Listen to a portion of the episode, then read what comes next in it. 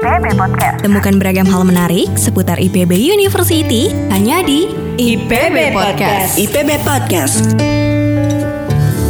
Assalamualaikum warahmatullahi wabarakatuh. Apa kabar Sobat IPB? Semoga Sobat IPB dalam kondisi sehat walafiat. Nah Sobat IPB, telah hadir bersama kita di sini Guru Besar Bidang Perilaku Konsumen dan juga Ketua Program Studi Pasca Sarjana Manajemen dan Bisnis Sekolah Bisnis IPB University, Profesor Ujang Sumarwan. Setelah tadi kita bicara banyak hal termasuk strategi-strateginya juga bisa dikatakan sebenarnya strategi-strategi tadi itu uh, bisa diapli diaplikasikan pada semua kategori produk dan jasa, Betul. Prof ya. Pada prinsipnya pada semua kategori produk dan jasa. Hmm, Misalnya makanan, Baik. minuman, Baik. ya. Ketika tempatnya ini memang untuk kelas menengah ke atas, kemudian ada di mall, kemudian kita mau lihat harga yang murah, pasti orang tidak masuk akal. mhm, Dia akan menghindari, wah jangan-jangan di kualitasnya buruk gitu. betul. Tapi ketika ada dia di mall, eh, ruangannya bagus, koji, bu, eh, bubur yang kalau di pinggir jalan 12.000 ribu, Kalau di situ beda 80 ribu. Betul. Orang tidak akan tidak akan apa namanya? Tapi tidak akan mempertanyakan. Eh, tidak akan mempertanyakan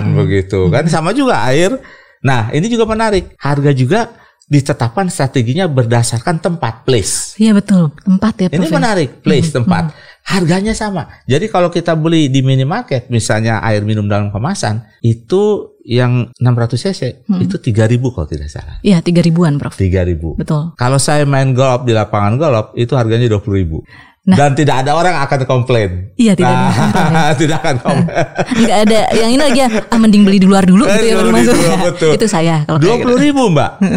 Bedanya betul. berapa? Beda tujuh belas ribu. Betul. Nah jadi itu tadi strategi berikutnya strategi berdasarkan tempat Berdasarkan atau place. Oke. Mbak kalau belanja di eh, airport harga barang biasanya relatif lebih tinggi. Iya, Kalau Mbak makan fast food restoran di apa namanya itu juga relatif tinggi. relatif lebih- lebih tinggi juga. Nah Baik. betul. Jadi strategi yang berikutnya yang dipertimbangkan oleh perusahaan adalah berdasarkan tempat atau Berdasarkan place. tempat. Baik. Walaupun harga eh, produknya sama. Betul, betul. Kalau kita ke bioskop pun beda. betul, kan, ya? betul, betul ya. Jadi jangan kaget ya sobat IPB kalau ke bioskop kok harga mineral beda. Ya memang ada strateginya ya, Pak. Ah, ya. itu yang disebut dengan strategi berdasarkan tempat. Betul sekali. Jadi jangan ngomel gitu ya. Jangan ngomel. Oh gitu beli di luar tadi gitu.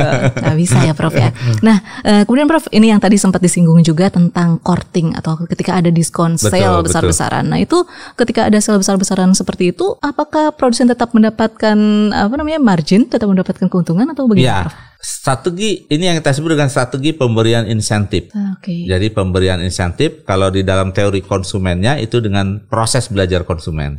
Karena konsumen mau melakukan sesuatu perbuatan kalau ada insentif. Betul. Nah, itu diterapkan oleh para pemasar perusahaan, yaitu dengan strategi memberikan diskon atau harga. Nah, bervariasi strateginya ya. Ada sekian persen, beli satu, dapat satu, Iya, pokoknya beragam lah, segala macam insentif. Nah, ini strategi yang biasanya dilakukan oleh perusahaan. Ada beberapa alasan kenapa perusahaan melakukan ini. Salah satunya tadi, kalau dia simpan barang itu, misalnya pakaian. Pakaian itu sangat cyclical, Mhm. terutama di negara-negara yang musimnya empat. Empat. Jadi setiap musim berganti, model berganti. Berubah lagi. Jadi kalau saya dulu waktu di Amerika, kalau ingin dapat pakaian yang harganya rada-rada miring, kalau beli pakaian winter saya belinya pada saat summer. Oh. Ah, ya. Jadi daripada barang itu disimpan di gudang, biayanya mahal, ah, lebih baik dia turunkan harga. gitu. Hmm, baik, baik, baik. Mungkin dia tidak dapat untung, tapi juga tidak rugi. Hmm. Tapi dia juga akan kompensasi, bisa jadi dia rugi, tetapi dia tetap untung karena tidak perlu membayar biaya gudang, biaya penyimpanan dan lain sebagainya. Baik. Oh gitu Prof. Jadi ya tadi balik lagi ya ada ada kaitannya dengan eh, cost tadi juga Betul. masalah strategi pembiayaan dan, Dan, lain strategi sebagainya. inventory Nah, oke. Jadi itu saling berhubungan ya, Prof. saling berhubungan. Pada akhirnya nanti menghasilkan harga jual tadi. Harga jual tadi, betul. Oke, baik sekali, Prof. Nah, kemudian Prof, ini Nah, yang diatur itu Hmm? Di Undang-Undang Perlindungan Konsumen itu Ya. diatur mengenai perusahaan tidak boleh salah satunya mengelabui, menyesatkan konsumen dengan diskon ini. Nah, menarik nih. Maksudnya seperti apa, Prof? Jadi begini, ada beberapa praktek perusahaan dia memberikan diskon 50%. Hmm. Tapi tapi harga awalnya itu dinaikkan lebih dulu. Nah, inilah yang Hmm. disebut dengan eh, deceptive pricing strategi. Baik. jadi pengelabuan. Jadi konsumen akan melihat seolah-olah harga ini benar, padahal sebetulnya bohong gitu, karena dia naikkan terlebih dahulu. Mhm. Bagaimana cara kita mengetahui kalau dia melakukan deceptive strategy tadi? Ini tergantung dari pengetahuan konsumen. Hmm, baik baik. Jadi konsumen kalau yang cerdas, misalnya ada barang-barang yang dia bidik nih, Mhm. ya kan? Harga normalnya dia catat. Oh, Nanti baik. sekian minggu kemudian lihat diskonnya, bener nggak? Mhm, mhm. Baik baik. Tapi banyak toko perusahaan yang jujur. Jadi, it- nah saya termasuk konsumen yang dompetnya pas-pasan gitu. Jadi kalau cari barang yang rada bagus, nah nunggu enam bulan lah. Betul, Prof, Ya ya. nggak perlu eh, modest lah begitu Iya, ya. benar. Jadi dan saya lihat oh harga awalnya nih misalnya satu juta. Mhm. Ternyata setelah enam bulan kemudian model yang baru muncul harganya 600 ribu. Nah tapi dia benar. Baik. Tapi juga ada saya pernah lihat itu tidak jujur. Dia diskon 50%, harganya 600 ribu. Ternyata dia naikkan ke sejuta 200. Harga awalnya tetap 600 ribu. Hmm. Jadi Pada hanya- saat ya itu yang disebut dengan undang-undang itu Hmm, yang disebut dengan pengelabuan, pengelabuan. menyesatkan konsumen.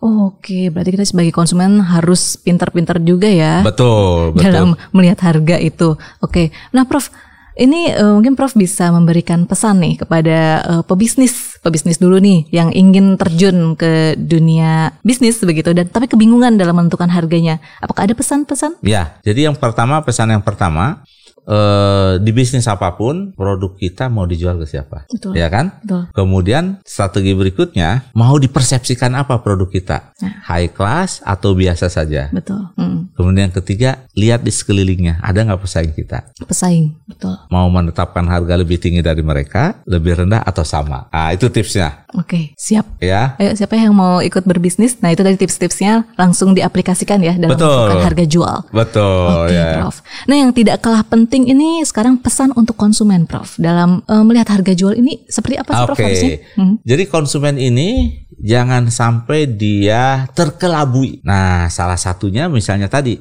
ketika dia melihat diskon, Mhm. ya, dia harus cek dulu harga sebelumnya. Karena banyak konsumen itu terprovokasi membeli barang karena diskon, bukan karena kebutuhan. Betul, betul, betul, Prof. Saya saya begitu. Nah, sama saya juga ya. Apalagi kalau lihat udah 60 persen, Betul, 70 persen, wah betul. langsung kapan lagi nih, kapan lagi gitu ya, Jadi Prof ya? belilah barang bukan karena diskon, tapi barang itu karena dibutuhkan. Karena dibutuhkan. Karena secara prinsip perusahaan itu dia tidak dengan diskon itu bukan berarti dia rugi, dia tetap untung. Pasti ya. Betul. Nggak mungkin dia menentukan ini tapi eh, malah jadi rugi kepada Betul, perusahaannya gitu kan ya, betul. Prof ya. Dan yang kedua yang harus hati-hati adalah harga berdasarkan kredit tadi seolah-olah nih murah gitu. Padahal kalau dikalikan dengan cicilan sekian dengan beban bunga harganya jatuh. Intinya jangan membeli barang terutama yang sifatnya kebutuhan sehari-hari dengan kredit.